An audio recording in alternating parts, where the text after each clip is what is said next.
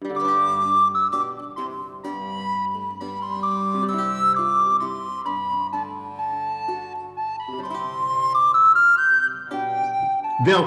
Hier, ik heb hier de twee dikke delen van, ja, misschien wel een van de, de indrukwekkendste boeken over de Nederlandse taal die er dit jaar uh, verschenen zijn. Een heuse, het is wel niet eens een encyclopedie, want het is een lopend verhaal, maar een overzicht over de geschiedenis van het Nederlands zoals die nog echt nog niet eerder bestond. Uh, ik denk vooral, het is, omdat die zo veelomvattend is. Uh, studies over het Nederlands gaan, over de geschiedenis van het Nederlands gaan toch vaak over een bepaalde periode. Maar vooral ook omdat hij zo breed omvattend is. Omdat hij zowel ingaat op hoe is die taal nu zelf uh, veranderd in de loop van de tijd? Wat voor ontwikkelingen vinden we in de manier waarop woorden zijn gevormd, de uitspraak, de grammatica enzovoort. Uh, maar ook in de manier waarop mensen zijn omgegaan met die taal. En misschien nog wel het meest bijzondere is dat er ook steeds, voor zover uh, aanwezig, teksten worden gegeven van die taal. Auteur van deze grote geschiedenis van de Nederlandse taal is Jelle Stegeman, hoogleraar, emeritus hoogleraar in Zurich ook in uh, Leiden uh, gewerkt. Uh, hij spreekt nu tot ons vanuit zijn huis in Amsterdam. welkom en gefeliciteerd met dit ja, magnum opus. Dat mogen we denk ik toch wel zeggen. Dankjewel. Ja, hoeveel, hoe, hoe, wat, is de, wat is de geschiedenis van deze geschiedenis? Nou ja, dat is eigenlijk mijn leven. Ik, ik ben uh, op mijn 17 in Nederlands gaan studeren. En uh, daarna nog uh, Duits taal letterkunde in Zurich. En ik ben wel gefascineerd door taal en vooral door de Nederlandse taal en taalcultuur. En ik heb natuurlijk in de loop van de jaren er altijd weer college over gegeven. Ik heb in het, voor een Duits publiek ook een, een handboek Nederlands uh, geschreven. En dat is dan weer de basis uh, van dit Nederlandse boek. Ja. En waarom was het nodig om zo'n om zo'n boek uh, te maken, volgens jou? Ja, nou ja, voor Duitse lezers is dat denk ik wel meteen duidelijk. Mm -hmm. Er stond alleen een publicatie uit de jaren negentig die vrij beperkt was. En je moet er toch aan denken dat het Nederlands de op twee na grootste Germaanse taal is. En je hebt een 80 miljoen Duitse, potentiële Duitse lezers. Ik weet niet hoeveel ervan geïnteresseerd zijn in de Nederlandse taal. Maar in ieder geval voor je vakgenoten en voor de studenten in het, uh, in het taalgebied uh, was zo'n werk denk ik echt wel nodig. En uh, je mag niet vergeten dat er grote lectoraten en docentschappen in, in het Duitse taalgebied zijn. er zijn waarschijnlijk veel meer studenten Nederlands in het Duits taalgebied dan in Nederland en België samen. En ja, de noodzaak voor een Nederlands boek over de Nederlandse taal. Daarvan kun je zeggen dat het laatste grote handboek eh, in, ik dacht 97, is verschenen. Dat is bijna 25 jaar. En de wetenschap heeft niet stilgestaan. Dus het was wel tijd om te kijken wat de stand van de wetenschap was. En hoe je dat weer kon samenvatten en kon presenteren. Ja, toen, terwijl ik het las, dacht ik ook, het is toch eigenlijk, ook eigenlijk opvallend hoe weinig hiervan bekend is bij het Nederlandse publiek. Hoe weinig uh, Nederlanders, en ik denk ook Vlamingen, dus Nederlandstaligen weten van de geschiedenis van die, die, uh, die taal. Is dat, is dat eigenlijk bijvoorbeeld in het Duitse taalgebied anders? Ja, uh, ik, ik zeg nu iets gevoelsmatig, maar in, in de loop van zoveel jaar dat ik in het Duitse taalgebied college heb gegeven, merkte ik continu een enthousiasme voor de uh, Nederlandse cultuur, maar vooral ook voor de Nederlandse taal. En dat heeft me eigenlijk voortdurend verbaasd. En van collega's in Berlijn, in Oldenburg en waar dan ook, en Wenen hoor je precies hetzelfde. En uh, wij denken als Nederlanders in het buitenland dat Rembrandt en de schilderkunst en de Renaissance dat die in het buitenland de aandacht trekken. Maar het is ook onze cultuur, onze taalcultuur en de taal die blijkbaar ja, heel veel belangstelling opwekken. Ja, ja. Ja, en ja, nou ja, nogmaals, het valt mij dus eigenlijk op.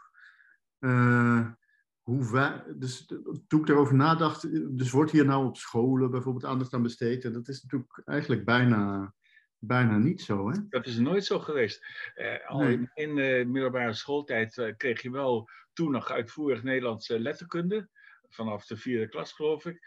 En dan uh, had je echt nog de hoofdstuk voor, hoofdstuk enzovoort. Maar geschiedenis van het Nederlands kreeg je niet. Nee, nee het is heel interessant. Um, ik wil, en dus daar gaan wij nu wat aan doen. Dus we gaan nu uh, de die hele geschiedenis gaan we eens even doorwerken, dacht ik. Um, het zijn dus twee uh, uh, dikke delen. de structuur is natuurlijk chronologisch. En ja, laten we beginnen bij, dat, bij het begin. Laten we beginnen, en dat is dan hoofdstuk 2. Dat gaat eigenlijk over de ja, die, waar komt dat Nederlands nu eigenlijk, van, waar komt dat Nederlands nu eigenlijk uh, vandaan? Hè? Dus wat, wat was het Nederlands voordat je echt nog kon zeggen dat het Nederlands was? Wat was dat Nederlands voordat je kon zeggen? Dat is natuurlijk uh, zeer complex, maar je kunt zeggen dat er een, een uh, grote hoeveelheid West-Germaanse we noemen dat dan dialecten, daar kun je wel vraagteken bij zetten, maar op het continent aanwezig waren. Natuurlijk ook uh, aan de overkant in Engeland, maar je hebt het dan over het continentaal, West-Germaans. En daaruit uh, kwamen uh, de moderne talen voort in de loop van het eerste millennium. Het is niet helemaal duidelijk wanneer.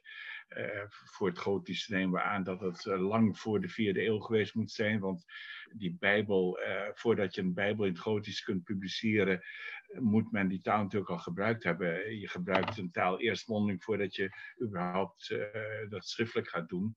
En de andere talen, zoals laten zeggen, het Duits, het Engels, het Nederlands, moeten zo in het midden van die eeuw langzamerhand zijn ontstaan. Uh, het zijn varianten van West-Germaanse taalvormen die langzamerhand uh, ja, een eigen identiteit kregen, uh, een eigen schrijfcultuur kregen. Hè? Dat zie je in het Nederlands met die Wachtendonkse psalmen. Dus monniken in Egmond vonden het al waarschijnlijk rond 800 of zo al nodig om Hoogduitse teksten te vertalen in hun taalvariëteit. En als je dat nodig vindt, moet die andere taal dan al zo vreemd zijn dat het niet een soort een buurman is van jouw taal, maar dat al als een vreemde taal wordt ervaren. Dus dat is een hele belangrijke indicatie, het vertaalwerk, dat er een, een, een eigen taal aan het ontstaan was. Ja, ja je springt nu wel uh, eigenlijk vrij snel naar die Wachtendonkse psalmen. Ik wilde, nog eerst, wilde eigenlijk eerst nog wel wat vragen over die, over die tijd daarvoor. Dus dat, er, ja, dat, het, dat het echt nog om... Dus de Wachtendonkse psalmen, daarvan kun je zeggen... dat is dus een psalmvertaling... Uh, die, uh, die je kunt herkennen als... Ja, misschien nog niet eens zozeer als Nederlands... maar wel als duidelijk een variëteit van dat Germaans. Die grote groep talen die hier in de buurt gesproken moet, uh, moet zijn. Um, maar daarvoor, ja, die, die, die, de, dus de echte prehistorie, de niet gedocumenteerde prehistorie, daar weten we natuurlijk ook wel het een en ander van. Kijk, een van de dingen die ik daar super interessant aan vind, is dat je kunt zeggen, zoals jij nu zegt, het Nederlands is een van die Germaanse talen. Maar het is natuurlijk ook heel interessant dat het tegelijkertijd de, als Germaanse taal die hier kwam ook al een migrantentaal was en meteen in botsing kwam en in contact kwam met allerlei andere uh, talen die hier gesproken werden die, en die het natuurlijk ook hebben gekleurd. Dus ja, het is weliswaar... Het gaat om West-Neder-Frankisch natuurlijk en uh, met Saksische invloed. Maar uh, we hebben ook te maken met een andere vorm van het Germaans, het Ingrions, het kust het Noordzee-Germaans of het Kust-Germaans, met uh, specifieke eigenschappen die uh, ook het Engels kleuren en het Fries kleuren. om even concreet te worden, je hebt een meervoudsuitgang met S. en die komt meer naar het oosten op het continent dan nog niet voor. En dat betekent dus dat je dan eigenlijk al taalculturen hebt hier langs de kust die met elkaar ja, in botsing komen. Of nou, in botsing is niet de goede uitdrukking, maar uh, vermengd worden of in contact komen. En uh, dat is historisch misschien te begrijpen, dat weet ik niet zeker omdat je dan zit aan de rand van het rijk van Karel de Grote. En uh, dus in de periferie, waar zulke varianten misschien meer kans hadden om, om uh, zich uit te breiden. En je krijgt een, een, die, die eerste vormen, die breiden zich uit vanaf de kust, echt, hè, van, van Vlaanderen, van, misschien van Duinkerken tot, uh, tot aan de Friese kust, van, van west naar oost. Dus dat zijn bewegingen die Goossens goed heeft beschreven. En waarin je dan uh, ja, kenmerken tegenkomt die uh, nu voor het Nederlands essentieel zijn. En hoe komt het dat die dingen zich van west naar oost be bewegen in plaats van andersom, zal ik maar zeggen? Is dat, want meestal denk je dan dat komt omdat het westen was belangrijker. Op een of andere manier was cultureel belangrijker, was prestigieuzer. Was dat in die tijd ook al zo? Dus het is nu nou, zo in zekere zin, maar... Het is, dat is uh, vrij moeilijk te zeggen, want je hebt natuurlijk een hele andere beweging het, uh, van uh, het Hoogduits. Dat komt vanuit het zuiden, zeg maar uit het Alpengebied, Bijen, het Helvetische gebied, gaat dat naar het noorden. En dat is dus een zelfstandige ontwikkeling voor, voor het Duits later.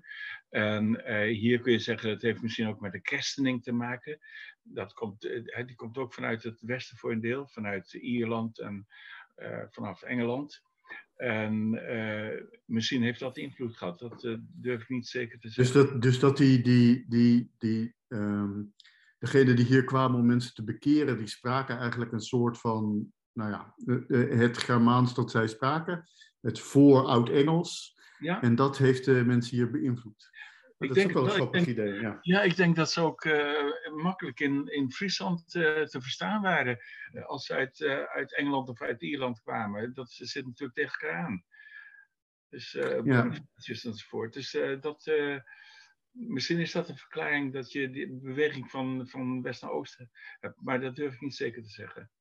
Ja, het is, dat is natuurlijk een grappige gedachte in het kader van de, de, huidige discussies over de invloed van het Engels op het Nederlands, zal ik maar zeggen. Ja. dus uh, dat is, het, is al, het is al 1500 jaar aan de gang, deze uh, invloed op een bepaalde manier. Waarbij je invloed van het Engels, uh, denk ik, behoorlijk moet relativeren, want het gaat vooral om het lexicon en vooral om woorden. Maar het gaat eigenlijk niet om de taalstructuur uitdrukking. Je bedoelt op dit, je bedoelt op dit, je bedoelt op, op dit, dit moment. moment. Ja, uitdrukking als ik zie je, I see you, daar kun je van zeggen dat is dan een structuur die we hebben overgenomen uit het Engels. Maar over het algemeen gaat het vooral om woorden, denk ik. Ja, nee, zeker. Maar uh, nee, dus er, er is wel eens diepgaandere invloed geweest, uh, zou, je eigenlijk kunnen, zou je dan eigenlijk ja. kunnen zeggen uh, in dat verleden. Nou goed, dus we hebben deze, op een of andere manier deze... deze ik wil ja. nog zeggen, misschien ook in die zin hebben alle vogelen, nestas agunnen, hinasa, ik en de toe. Uh, er wordt zelfs over gespeculeerd, zoals je weet, hè, dat het oud-Engels zou zijn. De geleerden zijn het er niet helemaal over eens. Ik durf er geen uitspraak over te doen, maar dat zit er ook tegenaan. En uh, er wordt zelfs uh, gesproken van een expat die in, in Engeland zat en daar een soort mengelmoesje van maakte van zijn Vlaams of wat het geweest is. En de lokale taal waar hij toen zich van bediende. Maar ja. dat is allemaal speculatie. Ja, ja. Um, ja. Nee, ja, maar, maar, maar ja, het is speculatie, maar het is natuurlijk in ieder geval niet voor niks dat die speculatie een bepaalde kant uh, op gaat. Ja, en daar heb je ook die S van vogels, hè? Uh, mm. Nee, nee, pardon. Ik, uh, Vogela. Vogela. Nee, nee, nee. Ja. Um, nee, Nestas, ja, wat, wat, Nestas bedoel ik. Nestas, ja. ja, ja. sorry. Vogela is het juist niet. Nee, um, ja. nee maar... Um, dus dat, dus dat, is, dat is waar. Uh, en dan op een bepaald moment, ja, dus voordat je kunt zeggen dat er überhaupt Nederlands, sprake is van Nederlands, moet je natuurlijk een soort van staatvorming krijgen waar je nog lang niet aan toe bent. Maar, zoals je daarnet zei, zo'n tekst als de Wachtendonkse psalmen uh, laat in ieder geval zien dat ja, de, de, de psalmen werden vertaald in, ergens in. Ja. En dat betekende dat men in de eerste plaats dat daar kennelijk behoefte aan was, aan een volkstalige versie daarvan. En in de tweede plaats dat die volkstalige versies die er waarschijnlijk al elders waren, ook niet voldeden. Dus dat men het gevoel begon te krijgen, wij hebben onze eigen specifieke vertaling nodig. Ja, maar je moet, je moet je dan ook afvragen wat de functie geweest is. Eh, vermoedelijk ehm, was het een hulp bij het lezen. Ehm, eh, of uh, had het ook de bedoeling om mensen te helpen bij het leren van het Latijn. Ja. maar dan werden ze dus ondersteund in hun moedertaal. En dat is dus een indicatie dat, zoals dat opgeschreven werd, dat die moedertaal blijkbaar al zo eh, aanwezig was eh, dat je een redelijke eh, schrijftaal kon gebruiken. En er is ook alle reden om aan te nemen dat de monniken in die taal met elkaar praten. En niet, zeker niet in het Latijn.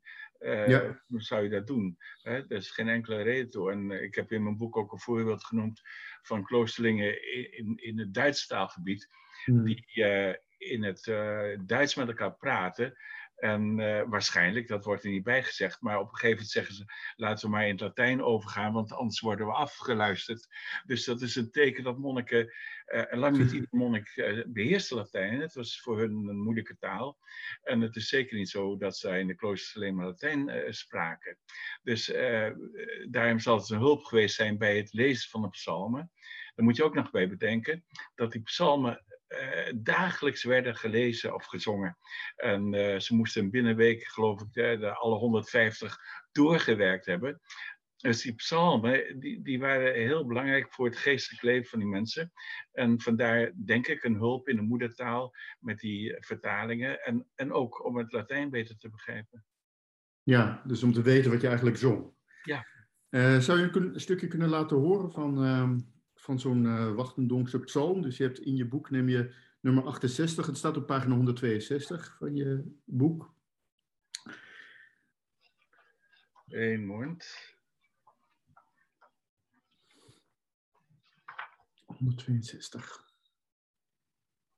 Uh, ja, ik, ik begin maar meteen maar met de eerste regel. Behal dan mij, doe God, wanda ingengon hier untes te se long minro. Dus behouden mij door God, verlos, behoud, verlos mij, o God. Wanda, want uh, de wateren zijn gekomen tot aan de ziel. En uh, misschien de tweede nog. Ja. Uh, gestekend bin ik aan lijmo diupi. Dus gestekend ja, gestoken, gezonken. Ik ben gezonken in de grondeloze modder. Dus uh, dit is echt een noodkreet van een psalmist. En die uitlegt hoe het beroerd het met hem gaat in het Oud-Nederlands. Ja, ja. Um, een heel fraai. En uh, het is. Um, ja, er valt natuurlijk van alles over te zeggen. Um, een van de dingen die mij opvalt is dat woord wand. Ja. Uh, wat een heel erg Nederlands, wat een heel erg Nederlands woord is, hè, wat je uh, niet in andere Germaanse talen op die manier tegenkomt, maar wat wel hier al wel wanda is. Met een volle vocaal aan het eind. Hè? En, maar dus inderdaad niet want is, maar wanda. Ja. dus wat illustreert hoeveel, ja, de tand des Dus de, dat is natuurlijk een van de interessante dingen aan taalgeschiedenis, is dat je echt het zeker in de Germaanse talen, dat je echt de tand destijds uh, kunt horen. In die zin dat, dat woorden echt, echt duidelijk slijten. Dat volle klinkers tot e worden en dan uiteindelijk zelfs helemaal uh, wegvallen. Dat woorden van vier lettergrepen gaandeweg steeds minder lettergrepen tellen en dan heel kort worden. En, uh, grote slijtageslag. Ja, ja.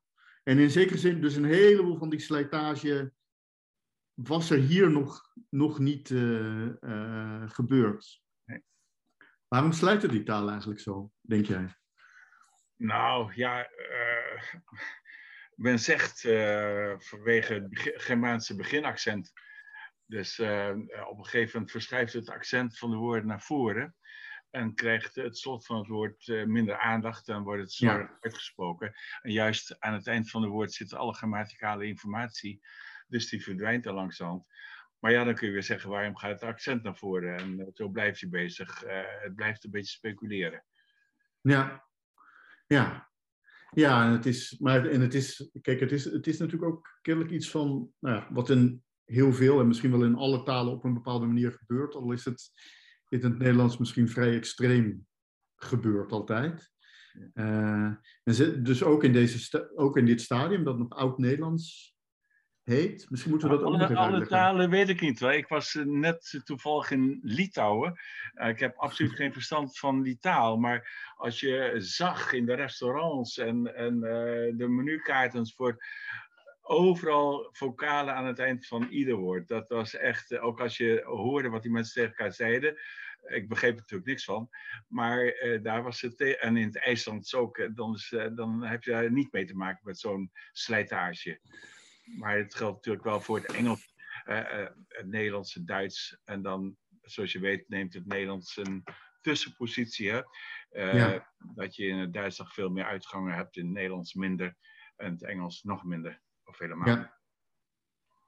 Ja, dit is, we hebben het dus nu over dat oud-Nederlands. Dat, um, ja, kun, je, kun, je, kun je dat een beetje afbakenen? Wat betekent oud-Nederlands in de tijd en waarom, waarom maken we deze afbakening precies? Ja, het uh, heeft natuurlijk te maken met, uh, vooral met dit verschijnsel, hè? Uh, het afsluiten van uitgangen. Je kunt als voorbeeld nemen badi, bedde, bed.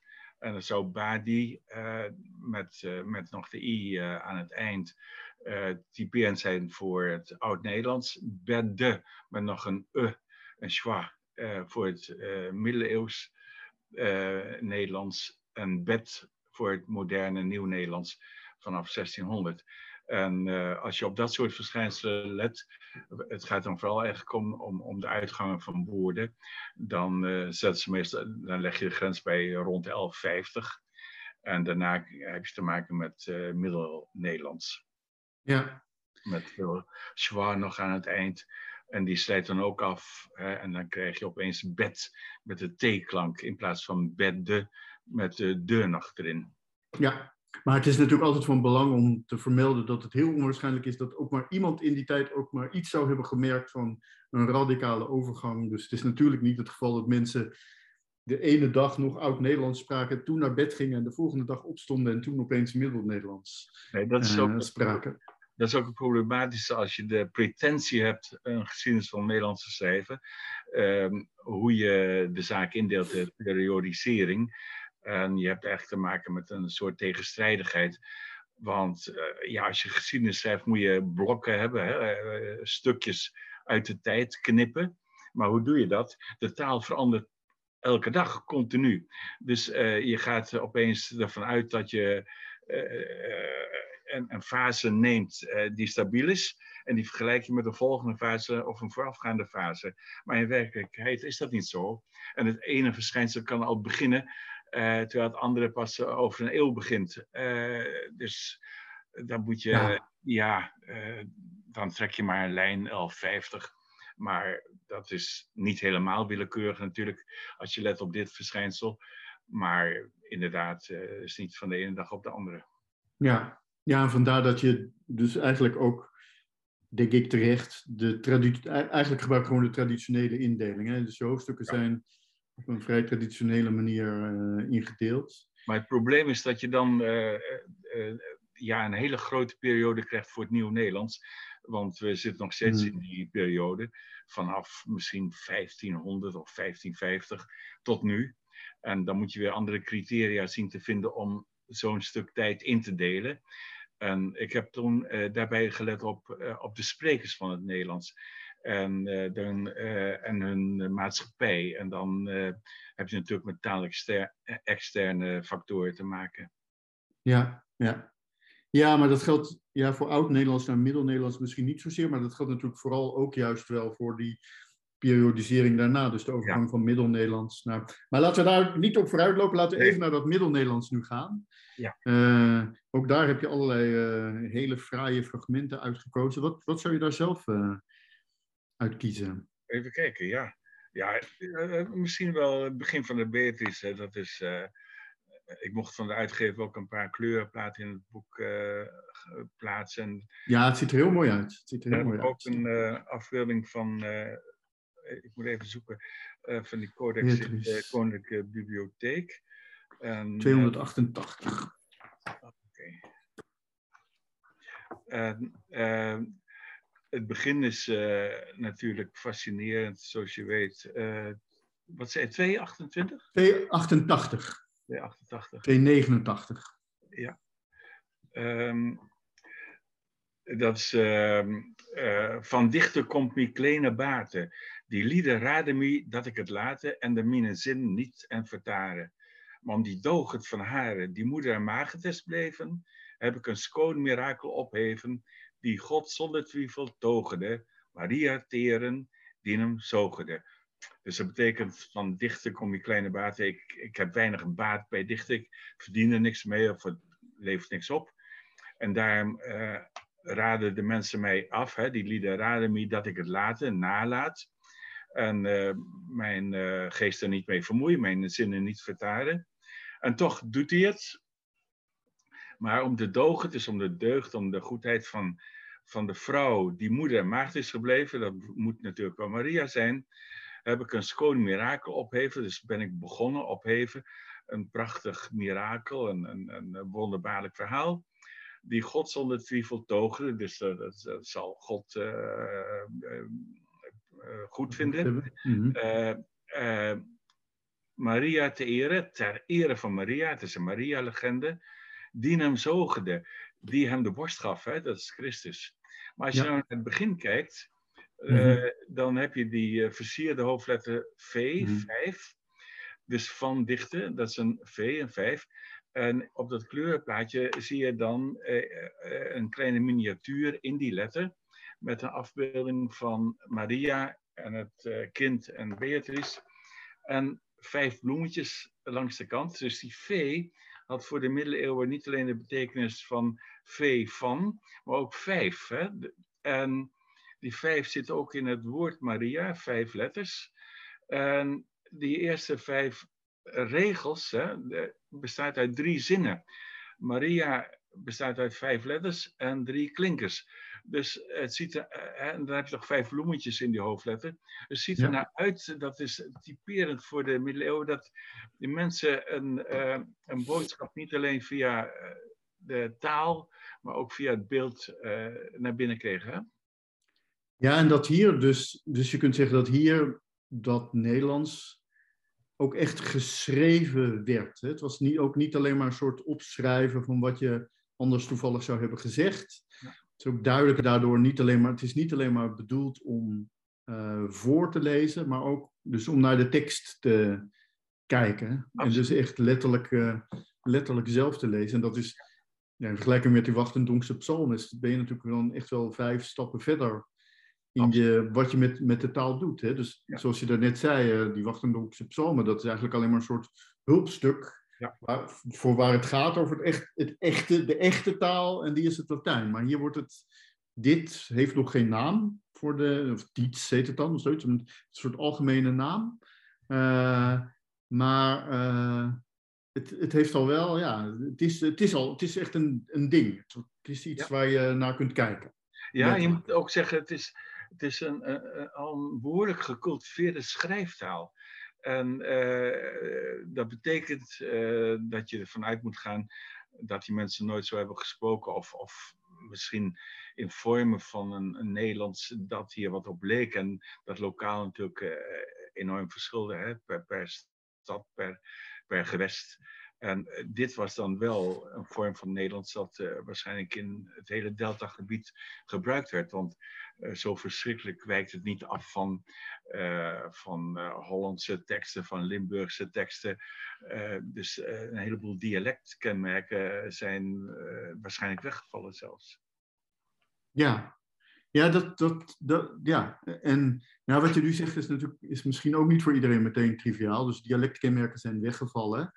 Uh, als je iets leert als Neerlandicus over de geschiedenis van taal of over het Nederlands, wordt altijd eerst gezegd, ja, de dialecten waren er eerst. En de standaardtaal is daar eigenlijk uit ontstaan. Daar gaan we nu ook zo dadelijk naartoe. Uh, hoe, dat, uh, hoe dat is gebeurd. Ja, ik, uh, ik, probeer de term dialect eigenlijk ook wel te vermijden. Ik heb het meestal over variëteiten. Want je kunt ook zeggen, er is pas sprake van een dialect als je een standaardtaal hebt. Want het moet een dialect van iets zijn. dus dat is een problematische term. Ja, maar je ziet dus, je ziet, die standaardtaal is er hier nog niet. En tegelijkertijd toch ook wel een beetje wel, want er is dus wel een soort van traditie van hoe je, hoe je de dingen opschrijft. Een, een, een bovenregionaal Nederlands zou je kunnen zeggen. Bovenregionaal Nederlands, ja. Ja, um, ja dat. dat um, uh, en dat ook voor, voor, een aantal verschillende genres, want we nemen nu de Beatrice, maar voor een aantal verschillende genres ook gaandeweg gebruikt gaat worden. Dus dat ja. duidelijk zijn gebruiksmogelijkheden in ieder geval op schrift versterkt. En dat wijkt bijvoorbeeld af van actes hè, die echt eh, lokale taalkenmerken uh, vertonen en die gedateerd zijn. Dus dat je weet bij een koopcontract, aha, dit is uh, in die en die plaats in dat jaar is dat contract opgemaakt. En dat is dan toch een heel ander soort Nederlands dan van de Reinhard, van de Beatrice. dus daarom is misschien bovenregionaal Nederlands, Middel-Nederlands, hier wel een handige term. Ja. En uh, wat was dan die bovenregio? Wat, wat, wat was ongeveer dat gebied uh, op dat moment? Nou, dat is. Uh, je moet aannemen dat het in deze tijd uh, wat ruimer was dan nu. Um, het gaat natuurlijk tot voorbij Duinkerken, um, tot in de 18e eeuw. Hè? En naar het oosten is het moeilijk te zeggen waar de grens loopt. Uh, je hebt uh, het gebied van Kleef, dat werd er toen nog wel bijgerekend. Uh, dan heb je natuurlijk het Fries met een eigen taalgebied. dus wat meer dan het huidige Vla Nederlandstalige België en Nederland. Wat, wat ruimer nog. Ja. In die tijd. Ja. Ja, en dat, en dat was dat gebied, daar komen we daar weer even op terug, maar dat was dus dat, het, het, feit dat dat gebied was, was, dat was het meest welvarende en cultureel actieve gebied in deze hoek van Europa op dat moment. En ik heb misschien een beetje veel hoor, maar ik, ik heb steeds ook aandacht besteed aan de geschiedenis van de lage landen. En als je die hoofdstukjes achter elkaar leest, heb je een beknopt overzicht van de geschiedenis van de lage landen. Um, en uh, dan zie je juist in deze tijd uh, vanaf 900 dat, uh, dat er sprake is van het, de vorming van staten, van, van graafschappen, van hertogdommen. Vlaanderen natuurlijk, later ook Holland. met allerlei lokale machthebbers die probeerden natuurlijk hun gebieden uit te breiden, bisschoppen enzovoort. En dat zijn wel zelfstandige gewesten dan al, die uh, toch wel ook, vooral ook door die waterwegen, eh, de mensen hebben veel contact met elkaar, drijven handel, eh, ze varen naar de Oostzee. Ehm, dus het is, het is natuurlijk geen eenheid. Maar de lage landen vormen dan toch een soort ja, lappendeken van, van graafschappen, hertogdommen, bisdommen. Ja. Ja. ja, wat ik ook daaraan interessant vind en wat je nu ook zegt, is dat dat ook weer, dat er ook in die tijd ook weer voortdurend contact is met, uh, met de buitenwereld. Dus het is nooit een soort in zichzelf gekeerde. We hebben hier nooit een in zichzelf gekeerde wereld gehad. Er zijn hier altijd mensen van elders hier naartoe gekomen, zoals omgekeerd mensen van hier al dan niet tijdelijk naar elders. Uh, vooral, via, vooral, via, het water, als ik dat nog mag toevoegen. Uh, je ziet het aan het werkwoord varen, dat betekent eigenlijk gaan hè, in het Duits. Ik mhm. vaar mhm. Holland, ik ga. En bij ons heeft het de betekenis gekregen met de boot gaan. oh, dus ja. de, waterwegen die waren enorm belangrijk voor de contacten in het deltagebied. Ja, ja. Ja, en desalniettemin speelt dus ook het krachtenveld binnen de lage landen een rol. Want ehm, als we nu doorgaan naar de volgende, uh, de volgende periode, jouw hoofdstuk 5, uh, eh, daar zien we duidelijk dat van Vlaanderen gaandeweg het centrum zich, het centrum van de politiek en de cultuur en, en alles zich verplaatst naar het noorden. Ja. En dat dat ook uh, betekenis heeft voor de taal ook, omdat op dat moment ja, voor het eerst er een idee van een soort staat gaat ontstaan, een grotere eenheid. Uh. Ja. Je had natuurlijk de Bourgondische krijts. Hè? Dus, dat is al een, een, ja, een, samengaan van die gewesten. Mm. En, ehm, misschien ook omdat de grote rijken weinig invloed wilden, of geen behoefte hadden grote, veel invloed uit te oefenen in de lage landen. Je, je, had natuurlijk de Franse koning met, met zijn eigen problemen, zijn eigen rijk. Dan de, de Habsburgers, het Duitse Rijk. En het lijkt wel alsof de lage landen ja, ook de kans kregen om wat zelfstandiger te worden. Ja. ja, en daarmee komen we dan aan in die periode van het Nieuw Nederlands. Je zei er net al, het is eigenlijk een eh, overdreven lange periode. Tegelijkertijd kun je dan denken, ja, Middel-Nederlands is ongeveer net zo'n net zo'n lange periode. Waarom is dat dan niet overdreven lang? Is dat niet alleen maar een soort van uh, het narcisme van de kleine verschillen of zo? Dat wij nu denken, nou, we spreken toch wel echt heel anders dan die vondel. Uh, maar wat zouden die middeleeuwers daarvan hebben gedacht?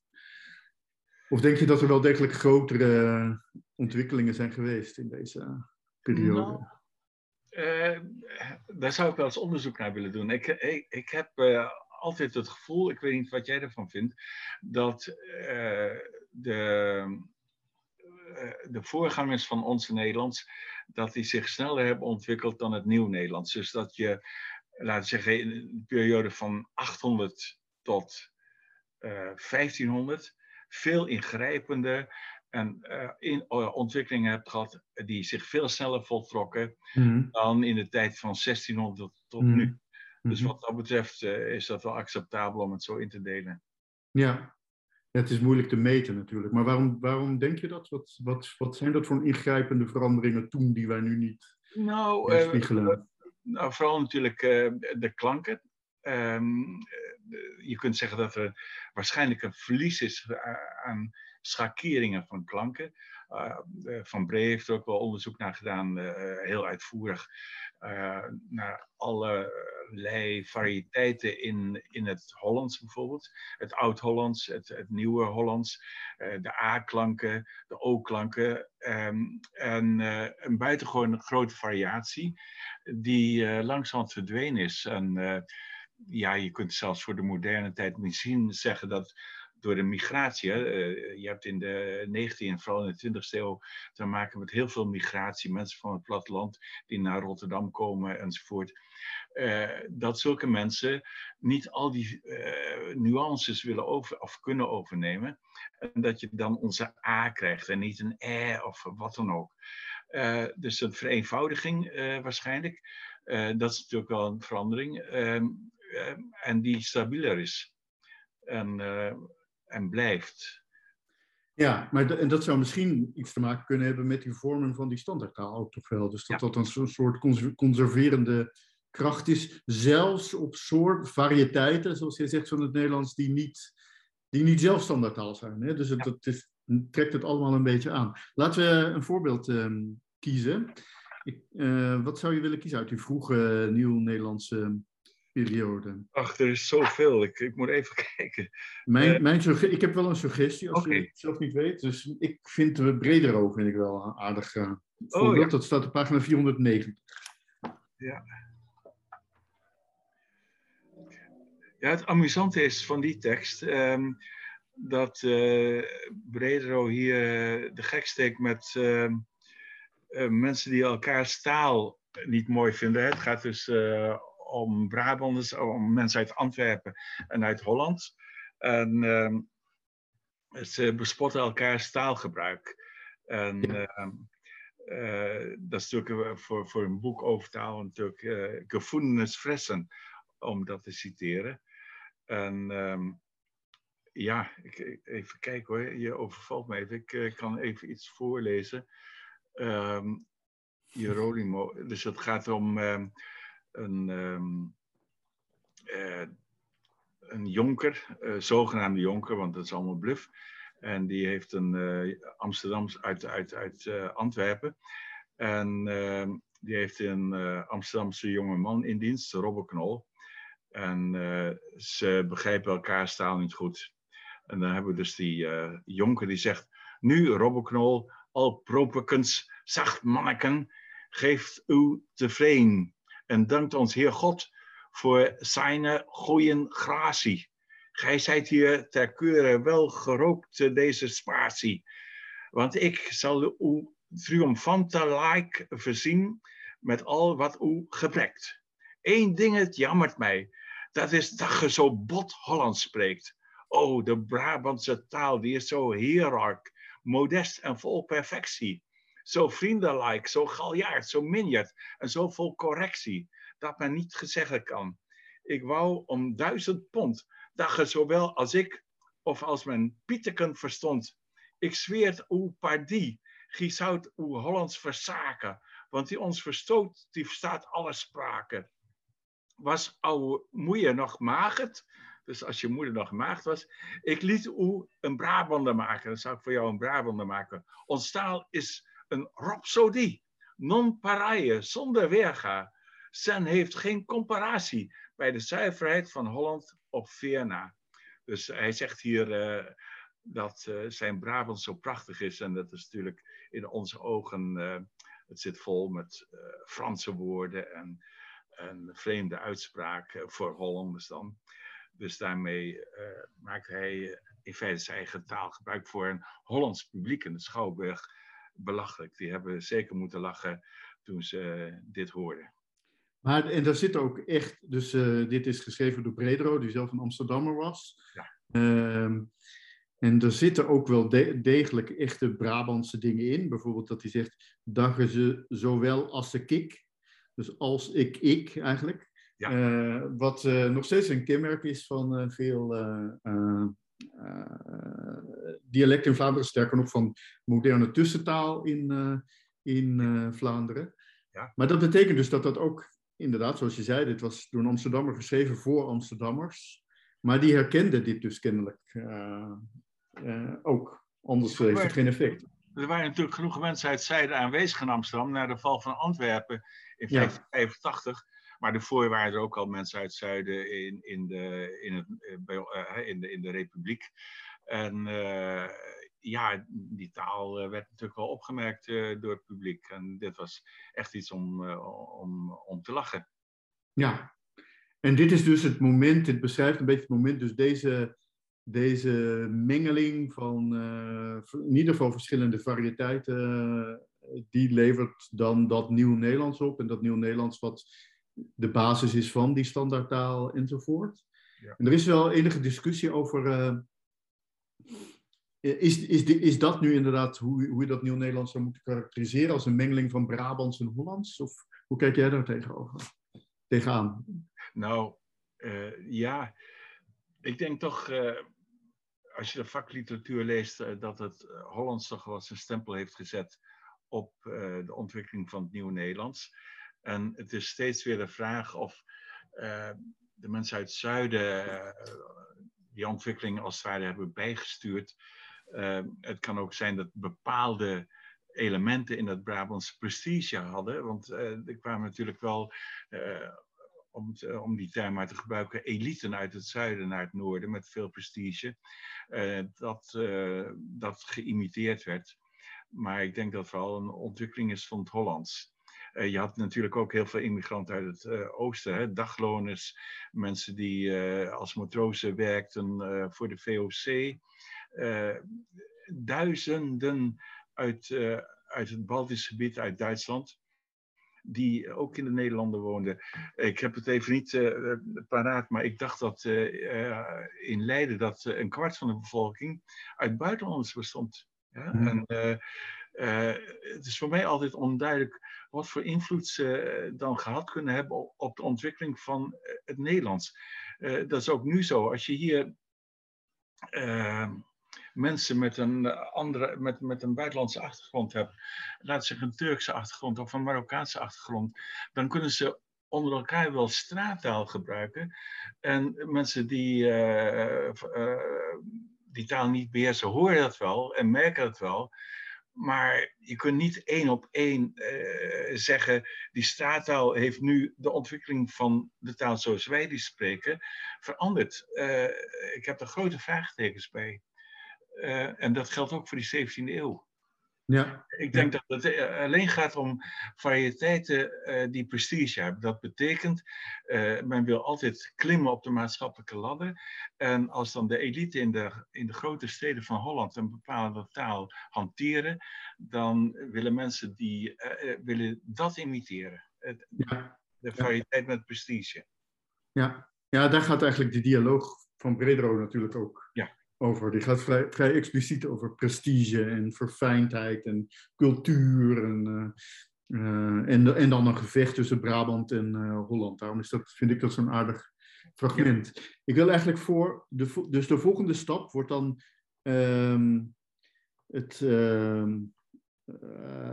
laat zeggen, de 18e eeuw, het, het laat Nieuw-Nederlands. Ja. Um, ik wilde daar eigenlijk even een beetje een uitstapje maken naar Afrikaans, omdat je daar ook kort aandacht aan uh, besteedt. Uh, je hebt een, uh, een, weer Psalm 69 heb je in het Afrikaans opgenomen op pagina 659. Ja, ik heb steeds dezelfde tekst genomen, zodat je het ook zou kunnen Ja, ja heel mooi. En ook een goede keuze. Welke bladzijde zijn je? 659. 659.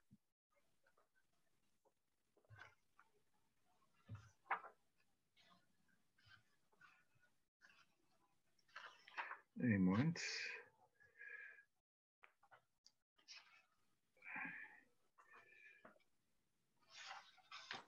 Ja, die heb ik hier. Uh, wil ik een stukje van voorlezen? Of, uh... Graag, graag, ja. Vir die muziekleer op die wijze, visie van Lelies. Dus uh, hoe het gezongen moet worden. Een psalm van David. Verlos mij, o God, want die waters het to bij die ziel gekomen. Ik zing in grondeloze modder, waar geen staanplek is nie. Ik het in waterdieptes gekomen en die stroom loopt oor mij. Oor, oor mij, denk ik.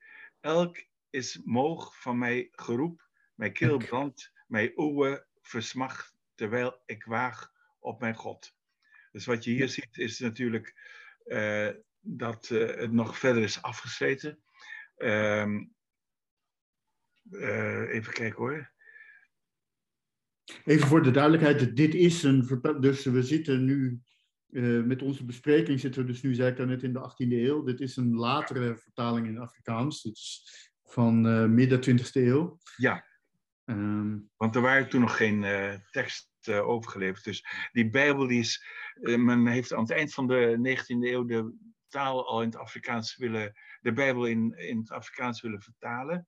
Wat betekent dat dat Afrikaans al genoeg prestige had. Want voordat je als gelovige Gods woord in een taal vertaalt, moet je daar respect voor hebben. En je hebt de indruk in het midden van de 19e eeuw eh, dat men nog wat lacherig doet over het Afrikaans. En er worden eh, grappige teksten in, in geschreven uh, van, nou ja, dat is wel, wel aardig, aardig leuk taaltje.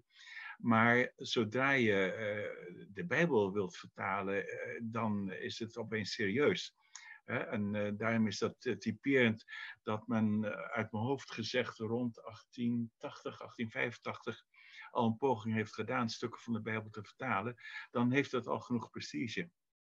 Ja, ja. Maar de hele Bijbel is, ik, bij mij weet uit de jaren 40. dat is... ja. Ja, je zegt hier 1944 ja. um, dat het verschenen is. Um, uh, kun je in een paar zinnen iets zeggen over hoe dat, hoe dat Afrikaans zich nu precies verhoudt tot het Nederlands? Ja, uh, ik heb er niet zo erg in verdiept, maar uh, je kunt zeggen, zoals dat bij heel veel talen gebeurt, denk aan het Engels in Amerika, denk aan het Spaans in, uh, en Portugees in Zuid-Amerika, dat in ver afgelegen gebieden die, die, die, die talen zich toch wel op een eigen manier ontwikkelen natuurlijk. En dat geldt dan ook voor het Nederlands in Afrika. Dat is goed vergelijkbaar. Ehm, en ehm, dat de Nederlandse taal maar zeer beperkt werd gebruikt. Hè. In de Kaapkolonie uh, waarschijnlijk alleen door bestuurders. Maar eh, zoals ik net al zei, die VOC, eh, die, die, had ook bemanningen die uit, uit allerlei landen kwamen. Uit Duitsland, uit, uit Engeland. dus Nederlands was daar niet zo gangbaar. En dan had je ja, van die eerste... Nederlanders die daar gearriveerd waren in, in het midden van de 17e eeuw, die zijn daar gebleven en die hebben uh, hun Nederlands op, op hun manier daar verder ontwikkeld, generaties daarna. En uh, dat, zoals te vergelijken met het Amerikaans, dat ja, begon eigen karaktertrekken te krijgen. Minder uitgangen, verkortingen enzovoort. En ehm, dan uh, begint het zo af te wijken van het Nederlands. Dat uh, in, het in de 19e eeuw kun je spreken van het Afrikaans, wat die boeren met elkaar spraken, een soort schrijftaal. Je had kranten in het Nederlands uh, in Afrika, ook Engelse kranten. En daar wordt dan wel het Nederlands van de Republiek gebruikt. En dan heb je aan het eind van de 19e eeuw ook een hele discussie over de spelling van het Nederlands. Men wil in, in, in, in het noorden, dus in, in de Republiek, de spelling van Kollewijn uh, niet overnemen. Die is veel te modern. Maar uh, de mensen in Afrika, die doen dat wel. En uh, er zijn dan congressen over de spelling van het Nederlands. En grappig is dat zij daar als het ware toestemming voor krijgen. En dat die spelling daar prima werkt. Terwijl men in het noorden zegt dat is de ondergang van onze cultuurtaal. De Kollewijn gaan volgen. Ja, ja. Het is ook wel interessant. Het is interessant. Ja, sorry. Nee, dus ik wil zeggen, het is interessant dat je, dus, dat je de situatie vergelijkt met, met Engels, bijvoorbeeld dus Amerikaans Engels, Brits Engels, die trouwens ook verschillende, gedeeltelijk verschillende spellingen hebben. Uh, of uh, Europees Portugees, Braziliaans Portugees, Europees Spaans, uh, Argentijns Spaans. Uh, in al die gevallen is wel, benoem je het wel als één taal. Zou, zou dat mogelijk, zou, zou, het denkbaar zijn dat je het Afrikaans, het, Afrikaans eigenlijk Af, zou noemen? Ja, dat is een kwestie van definitie, maar eh, men heeft, of, men heeft besloten om deze vorm uh, van taal uh, als Afrikaans als officiële taal in te voeren met eigen spelling. En dat heeft de overheid gedaan en voorgeschreven. En eh, eh, natuurlijk stond, uh, stond het in concurrentie met het Engels, hè, want de Engelsen wilden oorspronkelijk uitsluitend alleen het Engels in, in Afrika gebruiken.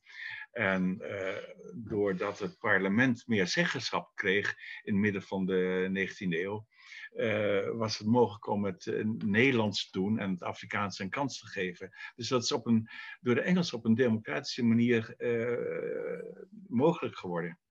Ja, ja. ja, het is heel interessant. We zijn nu aanbeland bij deel 2. Ja. Ja, de, de, het, het, het, interessante van de gesprekken zoals deze is dat wij nemen het op en wij hebben dus geen idee hoe lang dit gesprek precies duurt. Terwijl we, terwijl we eraan beginnen of terwijl we ermee bezig zijn. Degenen die hier naar kijken weten dat natuurlijk wel. Dus die weten precies uh, waar wij, waar, of wij nu, zijn we nu halverwege? Zijn we nu opeens bijna klaar? Dat, weten, dat weten wij dus niet. Uh, ehm, al geduldig worden. nee, ja, spoelt u even door. Nee, nee, er komt nu juist ook een interessant uh, aspect. Dus, want jou, dus we zijn nu bij jouw hoofdstuk 7. En jouw hoofdstuk 7 gaat over het Nederlands in de Franse tijd en tijdens het uh, Verenigd Koninkrijk der Nederlanden. Dus dat is de periode tussen 1795 en 1830. Een betrekkelijk korte periode. Waarom heb je die nou als een waarom heb je die apart uh, genomen, vroeg ik me af. Ja, dat is vooral een taal extern gegeven. De uh, revoluties en, uh, en, de, nieuwe, de vorming van nieuwe staten zijn van het grootste belang geweest voor de kansen die het Nederlands kreeg. In het noorden heb je natuurlijk um, dan eerst de Bataafse Republiek en dan het, het Koninkrijk met de broer van Napoleon, hè, Lodewijk. Um, maar het zuiden wordt uh, geannexeerd door Napoleon. En uh, dat wordt helemaal Frans. Dus op een gegeven moment uh, heb je in het tegenwoordige België wordt het gebruik van Nederlands verboden. er mogen geen Nederlandse kranten meer verschijnen.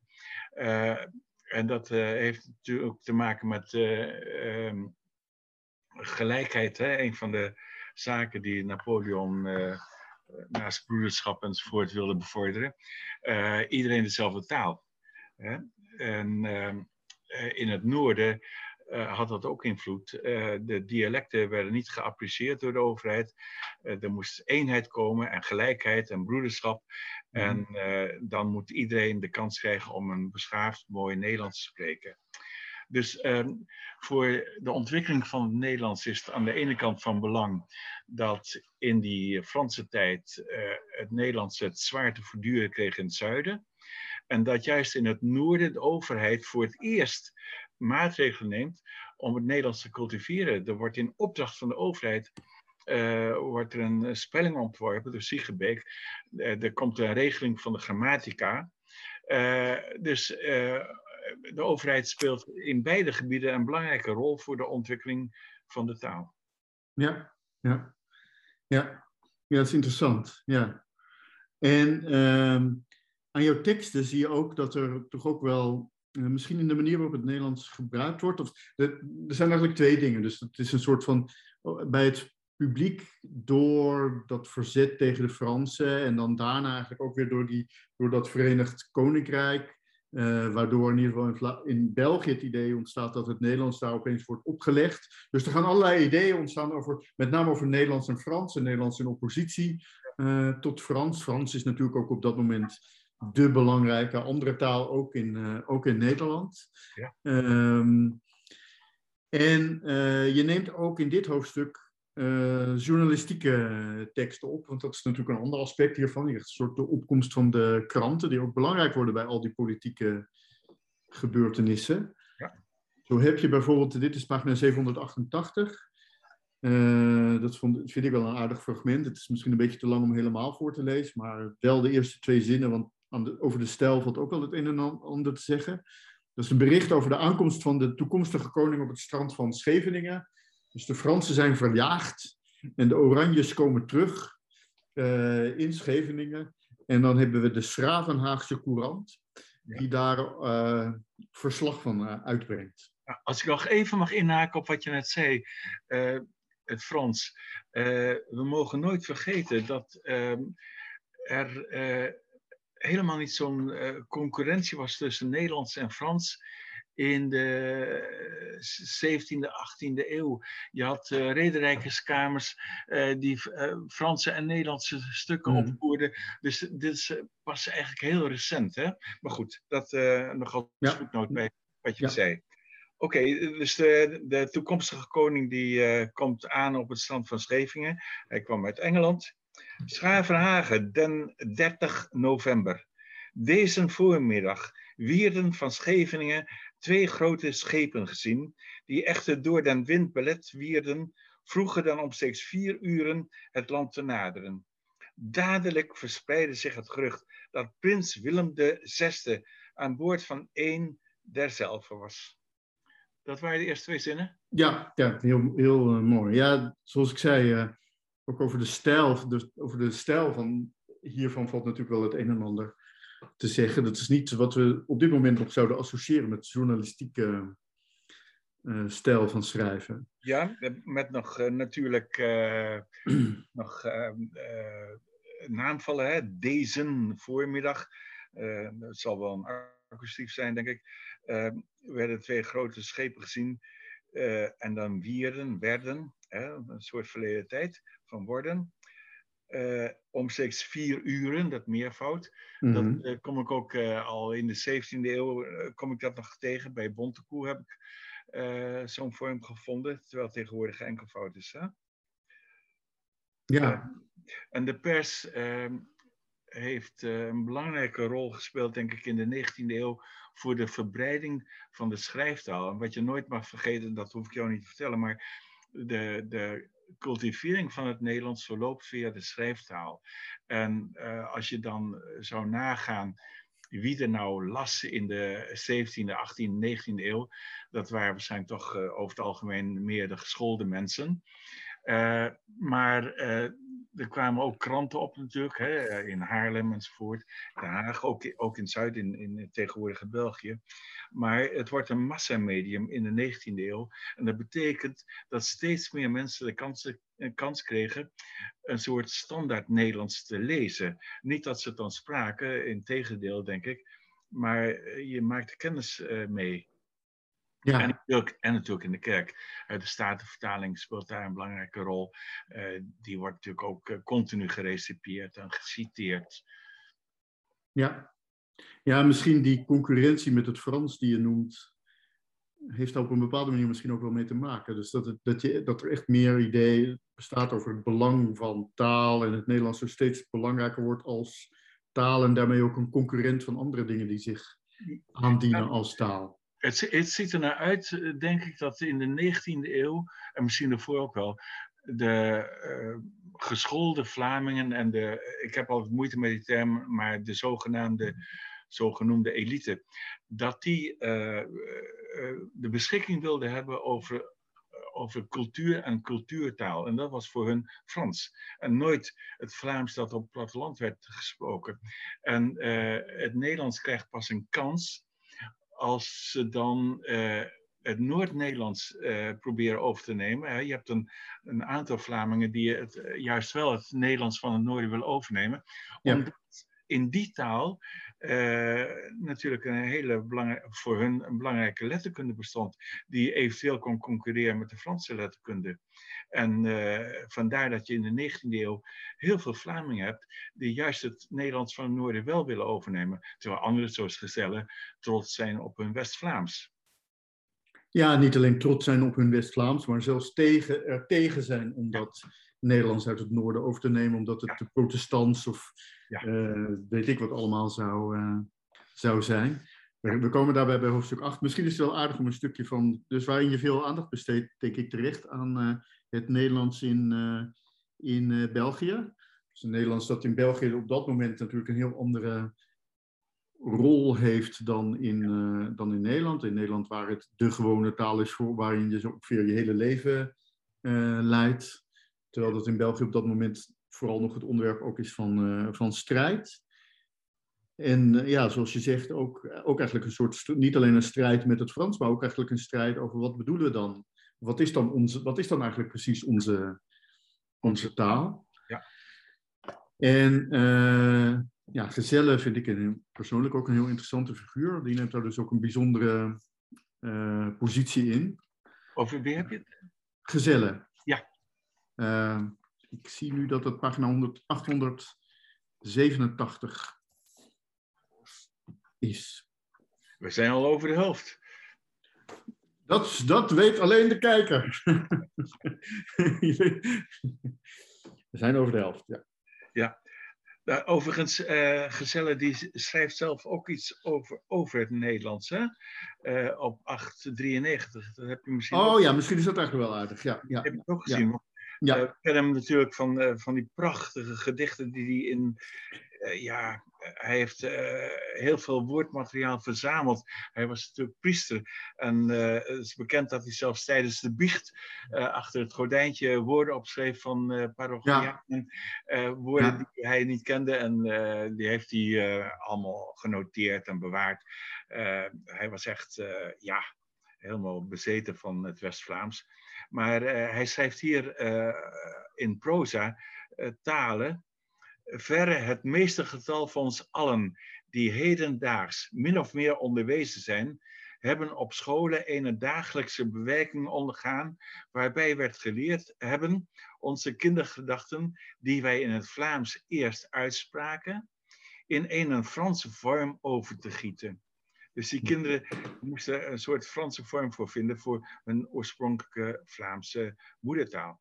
Daarbij hebben wij een zeker getal gedachten en wetendheden aangeworven, die wij in Franse woorden eerst ontvangen en sedertdien in Franse woorden bewaard en onthouden hebben. Dus het onderwijs krijgen ze dan via het Frans, begrippen.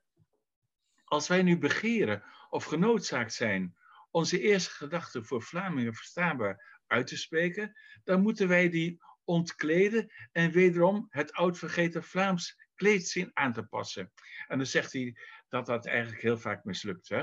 Dus uh, die, die arme kinderen die leren allerlei dingen in het Frans, uh, vergeten hun, uh, hun Vlaamse moedertaal en dan opeens moeten ze daar weer iets mee beginnen en maken natuurlijk continu fouten. Ja, er wordt op een heel interessante manier wordt daar de, de tragedie van de meertalige beschreven, zou je kunnen zeggen. Die dus uh, vervreemd, om een moderne terminologie te zeggen, vervreemd raakt van zichzelf doordat hij de werkelijkheid zoals hij op de ene manier beleeft in het Vlaams eigenlijk niet kan verbinden met de abstractere manier van naar de werkelijkheid kijken die hij dan op school in het Frans krijgt uh, aangereikt. En uh, dat is heel interessant. Dat lijkt me ook, het is ook, erg romant, ook een erg romantisch idee uh, volgens mij gaat ook wel erg voorbij, denk ik, uh, voor ons gevoel aan uh, de vele voordelen die meertaligheid ook biedt. Ja, daar gaat het helemaal niet om. Nee, nee in tegendeel. Maar, die, maar dat komt ook misschien wel omdat hij die meertaligheid min of meer als vanzelfsprekend aanneemt, natuurlijk. Ook, en, en met name, wat ik ook interessant vind aan gezellen, is dat je daar ook aan kunt zien, is dat dus het heel erg nadenken over talen als als dragers van bepaalde culturen. Ik zei daar net al, hij vond het Nederlands uit het noorden, dat vond hij te, vond hij te protestants. Ja, Een van zijn bezwaren tegen het Frans was ook dat het, dat het ja, dan weer te, nou ja, te, te veel verbonden was aan de Franse aan ideeën, de verderfelijke ideeën van de Franse revolutie. Enzovoort. Te, te het Frans was eigenlijk te atheïstisch en het Nederlands was te Calvinistisch. En uh, hij is natuurlijk een uh, Vlaamse katholiek. Hè? En, ja. Dat is eh, een totaal andere cultuur dan eh, de cultuur van eh, de Nederlandse koning. Is dat, nou is dat, dus ik, ik praat er een beetje modern, vroeg 21ste eeuws neerbuigend over. Maar is er eigenlijk niet ook, iets over, ook niet iets voor te zeggen voor dat soort ideeën van talen als dragers van een bepaalde cultuur? Uh, nou, zeker. Uh, ik denk dat dat bij definitie het geval is. En je mag hem dat helemaal niet ontzeggen, natuurlijk. Ik wil Gezel ook helemaal niet belachelijk maken, maar het ging meer om het probleem dat ze in het Frans onderwezen zijn en, en, hun eigen moedertaal ja, voor een deel hebben verloren. En dat geldt voor ons in het Noorden helemaal niet. Nee, maar ja, ja voor mijn gevoel er is, is er ook nu nog steeds, is er echt een andere manier van, niet alleen van naar het Nederlands kijken, maar naar taal kijken in Vlaanderen en in Nederland. En die heeft hier mee te, die heeft hier mee te, te maken, denk ik. In die zin dat wij, wij Nederlanders, veel minder ideologisch denken over taal. Dus er, zitten natuurlijk al, er zijn allerlei ideoloog, die ideologieën verbonden aan taal. Maar die zijn heel erg verborgen en daar spreken we niet ideologisch over. Dus over het Engels spreken we zelden over, over het imperialisme daarvan of zoiets. Maar het gaat ofwel over het Engelse school of dit of dat. Of het is verderfelijk, want het tast ons Nederlands aan. Of, uh, hè.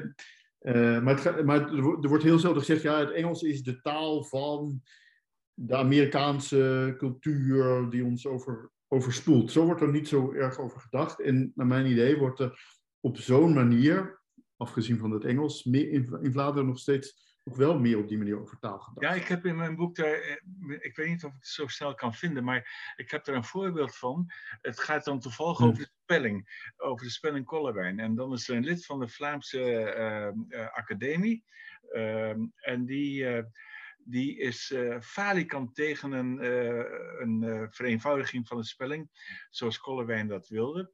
En hij schrijft dan dat tast niet alleen onze taal aan, maar onze nationaliteit. En dat zegt hij, hè, België bestaat al lang, dan heeft hij het over onze nationaliteit.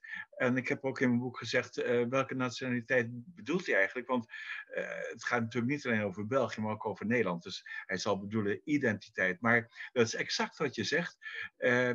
Dat is voor hem veel belangrijker dan uh, hoe je chocolade moet spellen. Ja. De, de, de, taal heeft direct te maken met je identiteit, met je trots en met, uh, met wie je bent.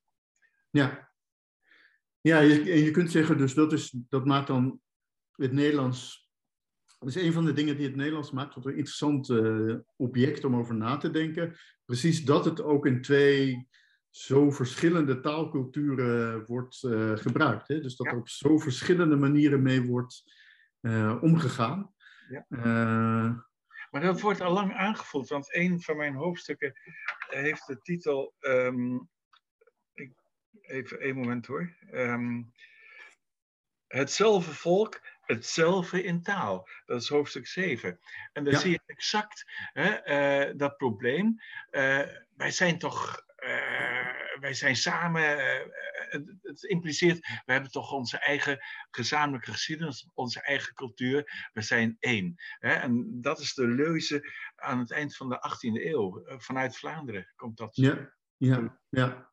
ja, maar je kunt zeggen dat is wel een mooie leuze, maar dat, zo werkt het nou ook weer niet. Zo werkt het niet, nee. Dat heeft de geschiedenis inmiddels uitgewezen van die afgelopen, wat is het, 200 jaar. Ja.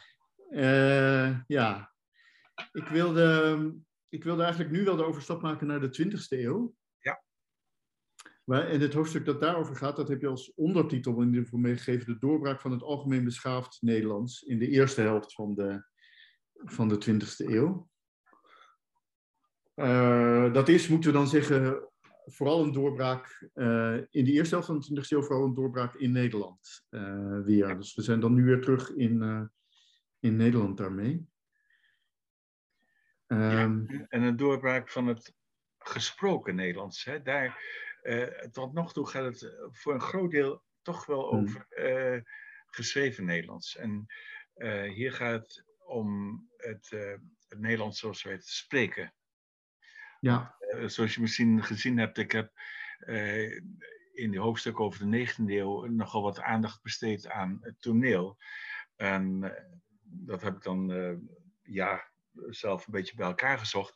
Maar het blijkt als je die, uh, die critici leest, dat er uh, op het toneel in de 19e eeuw misschien alleen maar dialect werd gesproken. En geletterden ergerden zich dood en gingen liever naar het Franse toneel.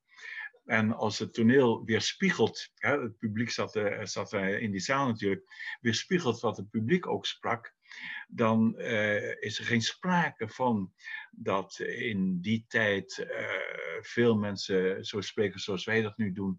Uh, dus je hebt wel die schrijftaal met die pers en die kranten en de literatuur en de Bijbel. Maar zoals ze spraken, dat, zoals wij dat nu doen, dat kende men, dat was een kleine elite, verder niemand. En ik zou willen zeggen dat in de, in de 20e eeuw dat gesproken Nederlands zonder dialectische kenmerken opkomt in het noorden. En dat is een grote verandering tussen 1900 en 1945, denk ik. En hoe zit dat met dat zonder dialectische kenmerken? Want uh, je zei nu daarnet, uh, eigenlijk een beetje tussen neus en lip door, dat het eerder een kleine elite was. En dat was ook de elite die zich ergerde. Dus als je je ergert, dan heb je een bepaalde norm in je hoofd. Want anders kun je niet erg uh, dus, dus er waren. Dus er waren dus... Dat is, ja, de norm is natuurlijk een klassieke vraag, eh, waar men ook al in de 18e eeuw over dubt. Eh, dan hebben ze het over het, het, het, het Frans van Parijs, zo moet het, het Hollands voor het Nederlands. Dat is dus een discussie die bij taalkundigen al lang gaande was. Maar ehm, in de 20e eeuw uh, ik heb wel, eh, dat heb ik ook in een boek gezet, even uitgerekend. Er zijn schattingen, eh, het is moeilijk om, uh, om, daar uh, statistiek, je hebt er geen statistiek over. Er zijn schattingen dat 3% van de bevolking in Nederland een Nederlands sprak waarvan je niet kunt zeggen, is dat en dat dialect. Hè? Dus een soort neutraal Nederlands, bovenregionaal. Maar ja, als je 5 miljoen mensen hebt, dan zijn dat 150.000 mensen, niet hmm. meer. Hmm. En nu zijn het er 24 miljoen die het zouden kunnen spreken, niet dat ze het allemaal doen, of die het verstaan. Dus dat is een, eh, een hele kleine groep, wat, wat dus dan klopt met wat ik dan heb geschreven over die 19e eeuw, dat, dat ze allerlei uh, dialecten, dat ze elkaar op het toneel soms niet begrijpen en verkeerde antwoorden geven. Zo sterk gebruiken ze hun dialecten, ook in het zuiden. En het merkwaardige is, als je dan in het midden van de 20e eeuw bent, dat dan uh, waarschijnlijk meer dan de helft van de bevolking zo spreekt zoals wij dat nu doen. Dus uh, als je dat in getallen uh, weergeeft, is dat enorm. En wat was dan de norm? Ja, we noemen dat de spraakmakende gemeente.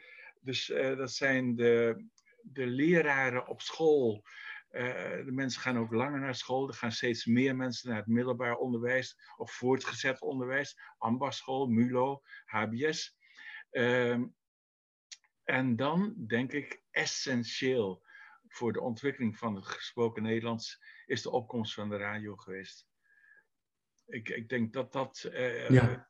echt hand in hand met de verbreiding van het Nederlands zoals wij dat nu spreken, ging hand in hand met de verkoop van de radio's.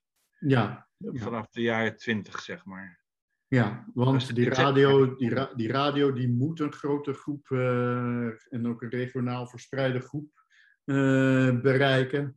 En dus moeten de mensen die daar werken proberen ja, een vorm te vinden waardoor ze verstaanbaar zijn. De techniek is bovendien in het begin natuurlijk ook nog niet zo heel erg goed.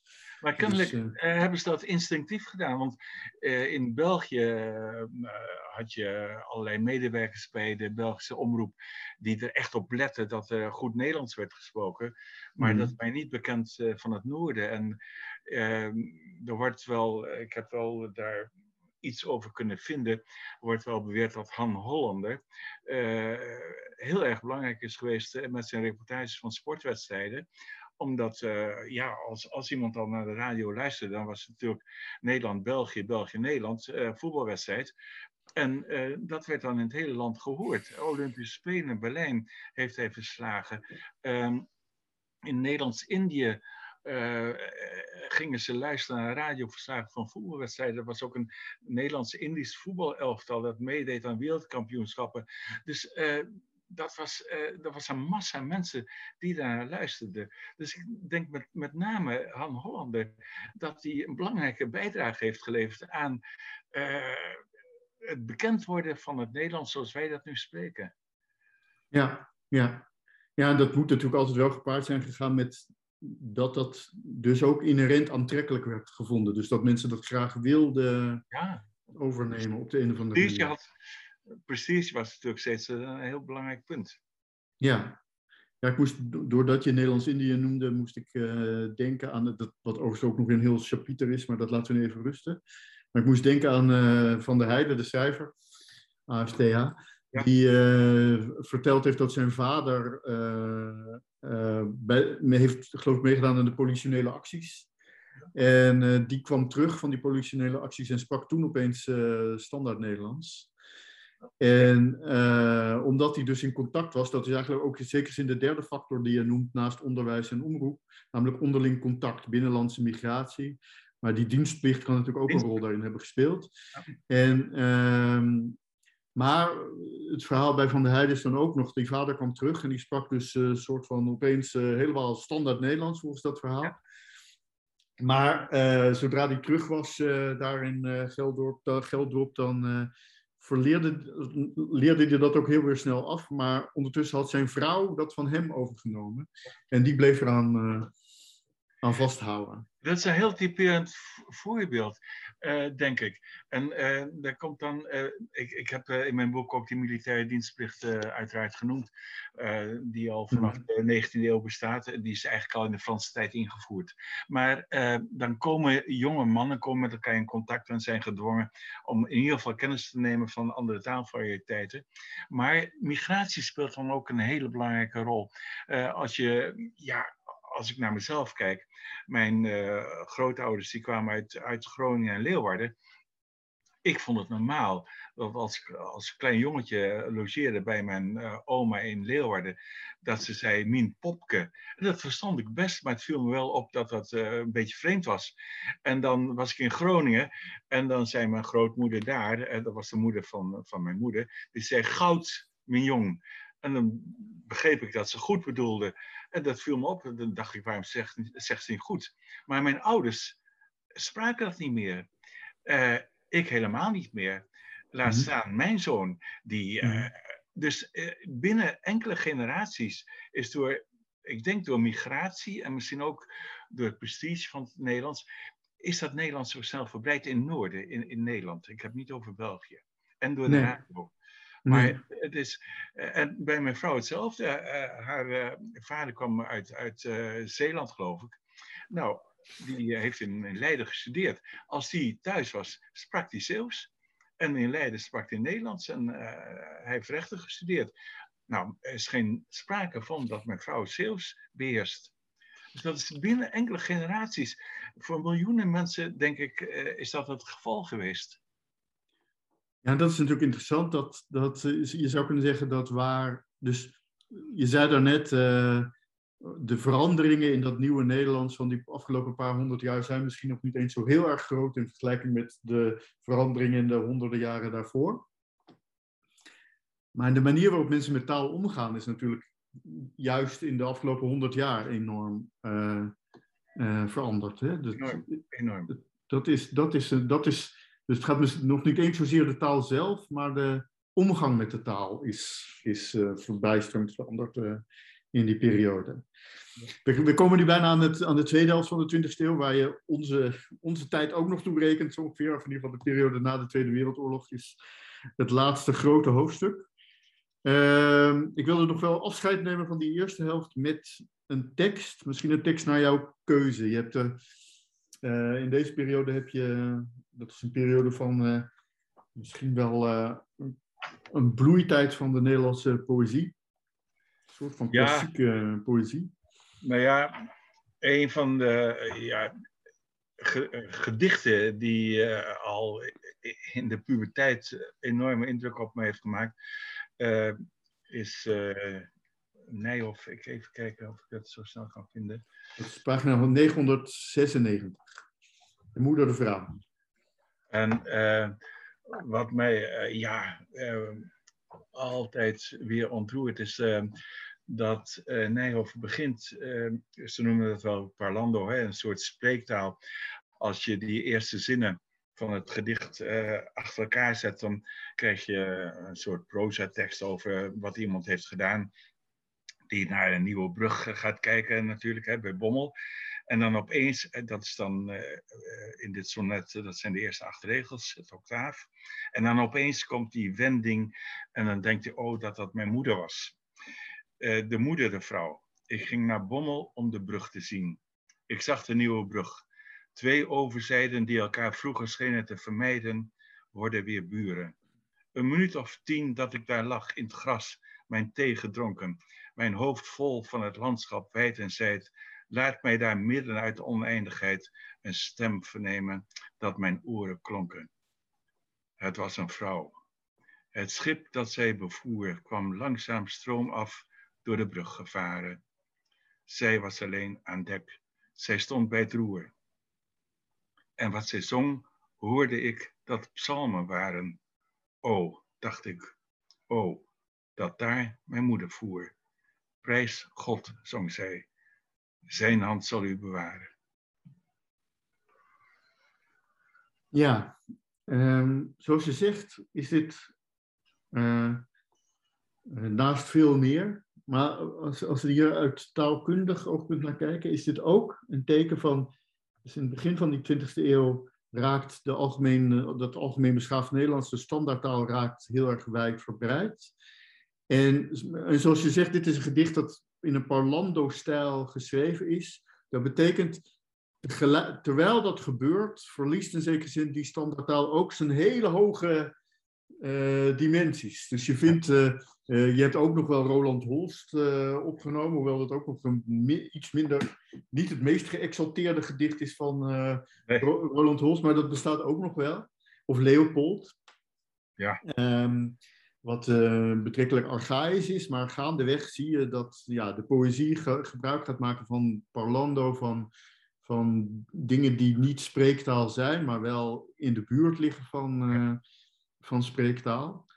En dat is wel, ja, dus dat is een interessante en waarschijnlijk uh, aan het begin van deze ontwikkeling niet te voorziene bijeffect geweest. Dat democratisering van standaardtaal ook betekent dat het gewoon, die standaardtaal gewoner uh, wordt. Ja, en in het zuiden natuurlijk helemaal met Van Ostaaien, die woorden gebruikt als fiets en, en, en zeppelin en mm. die, woorden die taboe waren in de poëzie eigenlijk. Ja. Dat is een democratisering van de taal, van de dichtelijke taal, denk ik. Ja, ja. en waar, waarmee hij van Ostaaien dan uh, vooruitloopt op, op het feit dat, die, dat dat Nederlands pas echt duidelijk formele voet aan de grond krijgt, of in ieder geval wijd, zo, die, wijd, die wijde verbreiding die het in het noorden en voor de oorlog krijgt, krijgt het in, in, in Vlaanderen is pas na de na de Tweede Wereldoorlog, ja. ja. ja. Kun je daar iets over vertellen? Ja, um, het, uh, het, is een. Uh, je kunt, als je teruggaat naar de 19e eeuw, dan kun je zeggen, in die korte periode dat je het Verenigd Koninkrijk had, een, jaar of 15, hè, 1815 tot 1830, dan uh, zijn er een paar generaties Vlamingen die in het Nederlands Nederlands uh, les krijgen. Uh, dat heeft koning Willem I geëist. Hè? Nederlands als nationale taal van zijn koninkrijk, met hier en daar een beetje Frans. En die generatie Vlamingen, die uh, stimuleren die, die, Vlaamse beweging, die uh, in de 19e eeuw helemaal niet zo fanatiek is, maar die opkomt voor, voor de eigen taal en voor de rechten van de Vlamingen. Hè? Dat ze in de rechtbank Nederlands mogen spreken, dat dat ze in het leger Nederlands mogen gebruiken enzovoort. Dus dat is een, die komen daarvoor op. En dan in de 20e eeuw ehm, wordt dat wat fanatieker, ook na de, twee, na de Eerste Wereldoorlog. En dan eisen ze ook dat er op de universiteiten in Nederlands college wordt gegeven, dat je een Nederlands examen mag doen, dat de universiteiten Nederlands worden, hè, Gent. Ehm, dus, uh, maar dan uh, heb je dus te maken met een, eh, de, de, de schrijftaal die eh, in het zuiden net zo gecultiveerd was in het noorden, ook in de 19e eeuw. Uh, maar het gesproken Nederlands, uh, dat, ja, er worden allerlei zuidelijke variëteiten gebruikt. En men heeft wat moeite om dat koude, neutrale Nederlands uit het noorden te gebruiken. En het, het grappige is, ik heb ergens een citaat in mijn boek van een Belgische taalkundige. Die heeft een boek uitgegeven met uh, tienduizenden Belgicismen. Dus uh, laat zeggen mm. fouten die de mm. Belgen maken als ze Nederlands spreken. En in de inleiding schrijft hij dan, 1930, ehm, ja, uh, hier, dit moeten we als het ware afleren. Hè? Dus het Noord-Nederlands is de norm. En dan schrijft hij. Uh, we hebben ook nergens gelegenheid om goed Nederlands te horen. Uh, we kunnen alleen de krant lezen, maar verder, ja, toneel, daar hoor je ook geen goed Nederlands. En op dat moment speelde radio blijkbaar nog geen rol, in 1930. En we hebben die kans niet. Dus je hebt de indruk dat het gesproken Nederlands tot de Tweede Wereldoorlog in het eh, zuiden, eh, dat men moeite heeft om, om, om een norm te vinden, om het te horen en om het te gebruiken. En het zou ook, denk ik, onnatuurlijk geweest zijn om opeens als Vlamingen onder elkaar een soort Nederlands eh, te gebruiken dat je niet eens hoort. En dan heb je ook nog de staatsgrens. er wordt ja.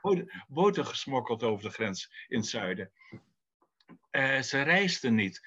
Dus het bestond gewoon niet, denk ik. En ook het toneel, daar heb ik ook aandacht aan besteed. Het toneel in België. Daar doen ze wel pogingen om zeg maar neutraal gecultiveerd Nederlands te gebruiken.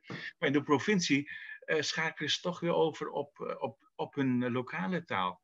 En dan krijg je na de Tweede Wereldoorlog echt een beweging om, uh, om de taal in het zuiden, het gesproken Nederlands te cultiveren. Hè? Uh, op middelbare scholen, taaltuiniers. En, en mm. dat zijn dan, uh, hè, dat is een generatie die dat echt probeert door te zetten. En um, Goostens, een van onze collega's, die schrijft dan rond, ik dacht 1970, dat ze succes hebben gehad. En dat het uh, bovenregionaal Nederlands nu algemeen verbreid is in het zuiden. Wat volgens mij helemaal niet klopt, maar hij zegt dat dan.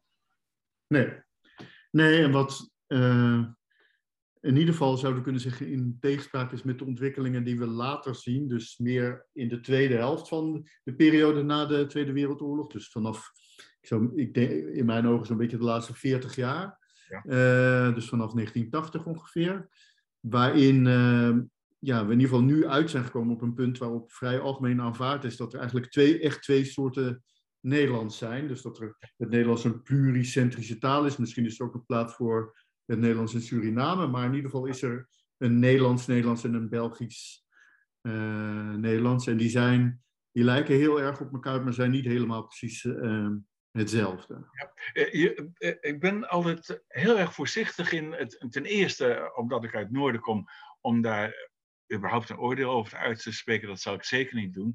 Maar ook om te beschrijven. Ik, ik kom natuurlijk wel veel in België, maar uh, als je vakgenoten spreekt, dan uh, zijn de ideeën erover behoorlijk gedifferentieerd.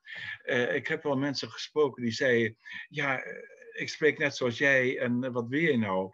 En die kwam dan, dacht ik, uit, uit, uit Limburg, Belgisch Limburg.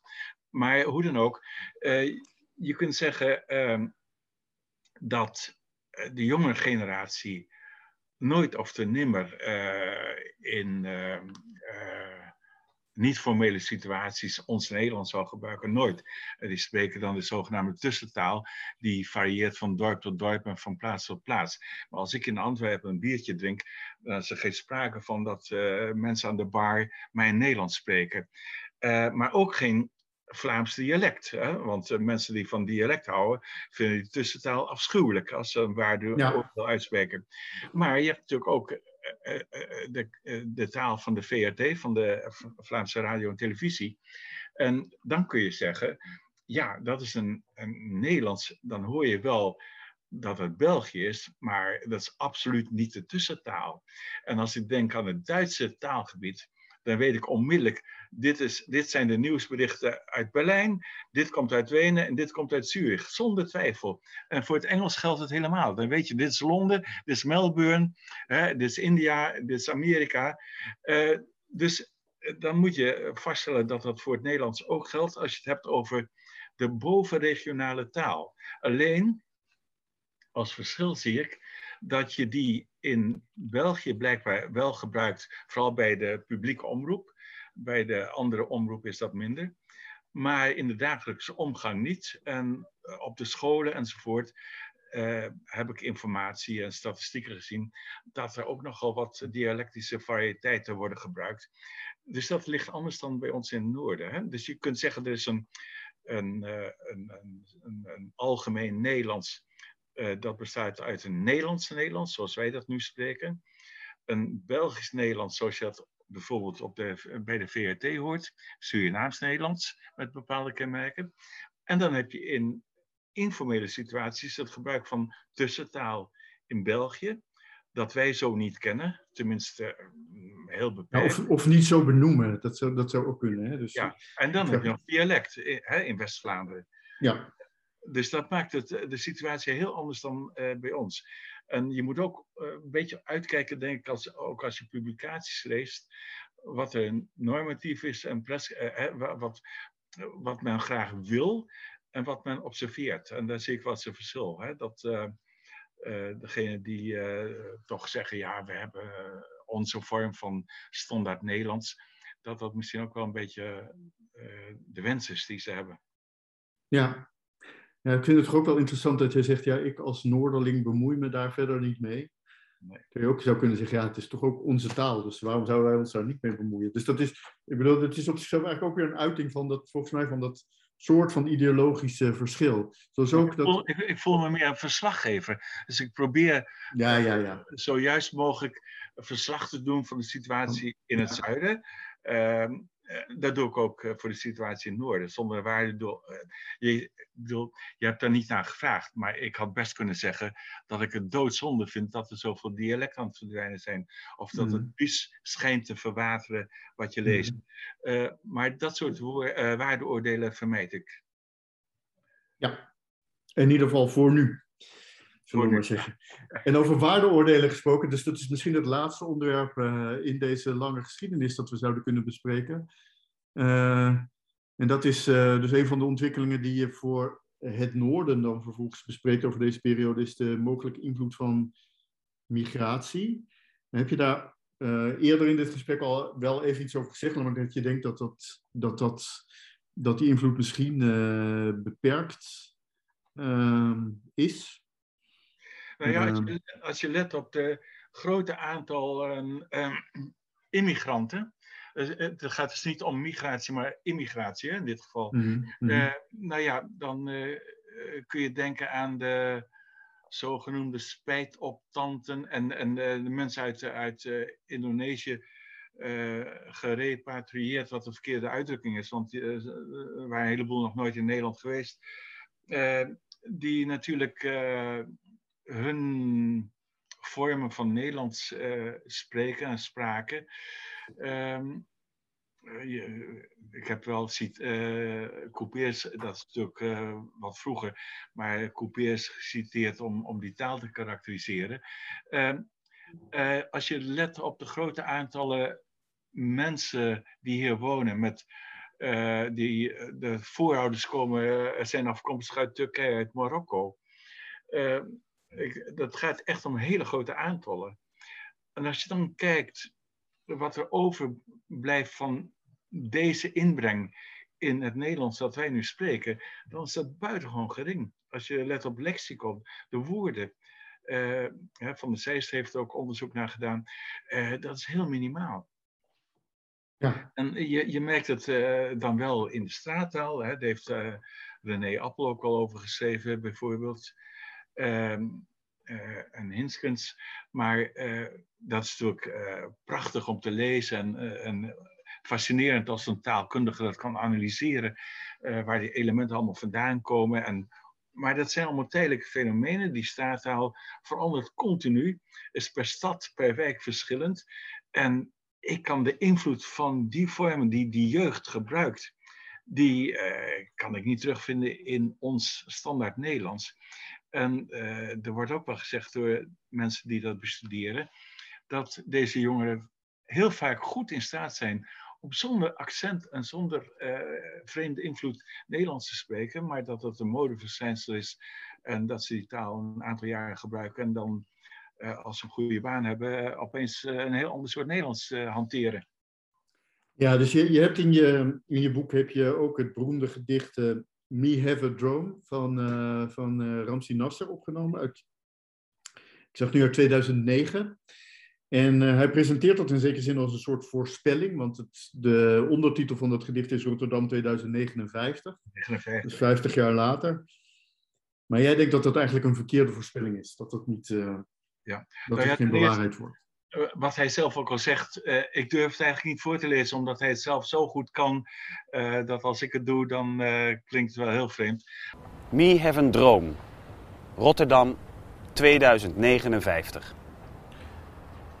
Woela, poetry poet, let me takken you één ding. De trobby hier is dit. Ben van mijn eigen nou zo 66 jaar en serieus, ben geen racist, maar alle jostie op een stokkie. Up-to-date, wat's deze shit?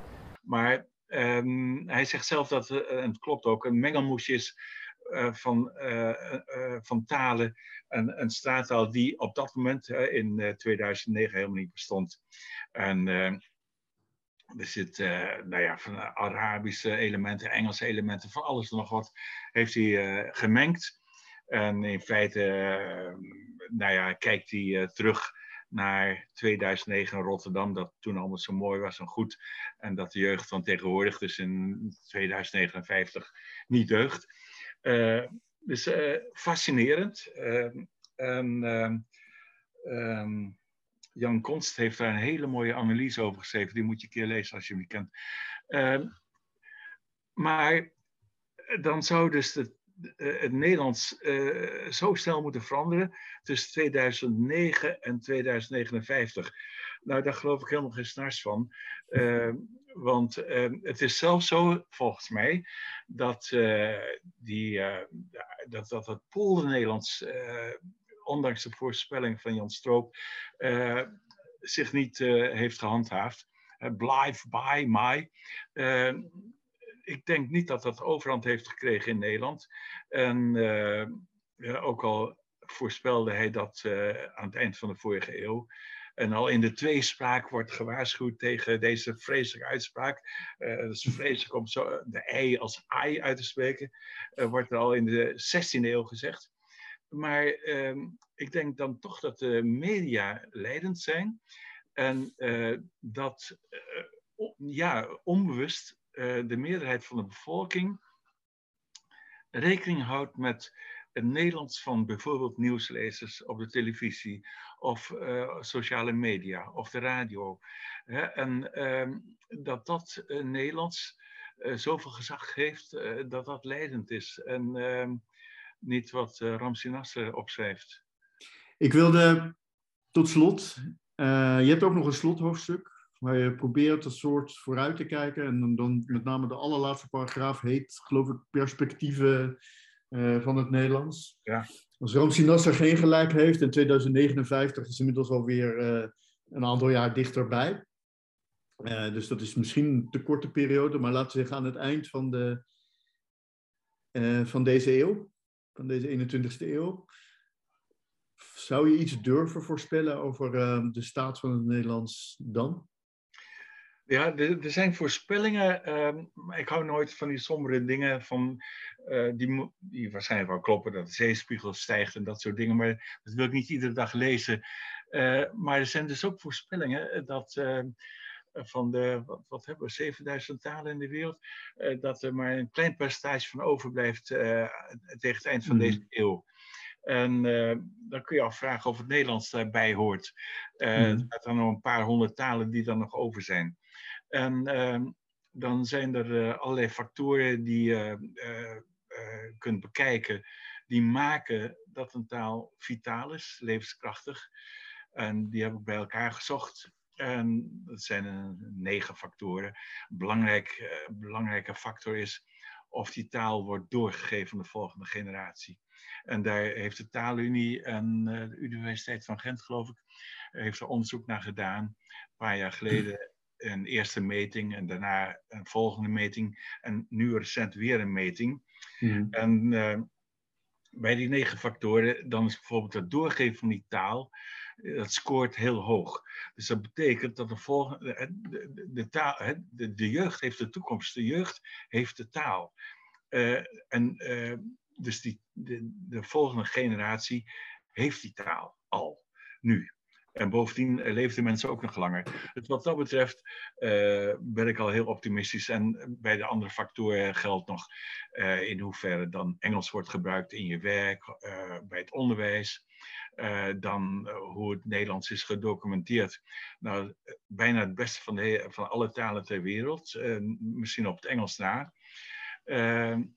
dan heb je een beetje merkwaardige concepten als of mensen trots zijn op hun taal en, en uh, of zich verbonden voelen via de taal met hun land, hè, identiteit. Uh, goed, daar is ook uh, onderzoek naar verricht. Het scoort ook heel hoog. dus als je die factoren bekijkt, dan is het Nederland buitengewoon levenskrachtig. En kun je zeggen ja. dat het, dan kun je, mag je voorspellen dat het overleeft eerder komen we allemaal onder water te staan dan dat we geen Nederlands meer uh, zullen spreken. Dat is de, de, de, samenvatting van deze ja, lange tocht, heel interessante tocht door deze geschiedenis. We hebben natuurlijk honderdduizend onderwerpen die je wel allemaal bespreekt, nu niet kunnen uh, bespreken. Het zijn uh, hoeveel pagina's? ja, ruim bijna 1300 pagina's ja. tellen de twee delen bij, bij elkaar. enorm boeiend. Dank je wel daarvoor. Dank je wel voor dit gesprek. Het is, ik, ik zal even zeggen hoe het heet. Dus het heet De Grote Geschiedenis van de Nederlandse Taal. Het is verschenen bij Amsterdam University Press. Uh, ik heb het op papier gekregen. Je zult, je zult het ook vast elektronisch kunnen uh, kopen. E-book, ja. Ons e-book. Uh, nogmaals, dankjewel Jelle. En dank je voor het interview.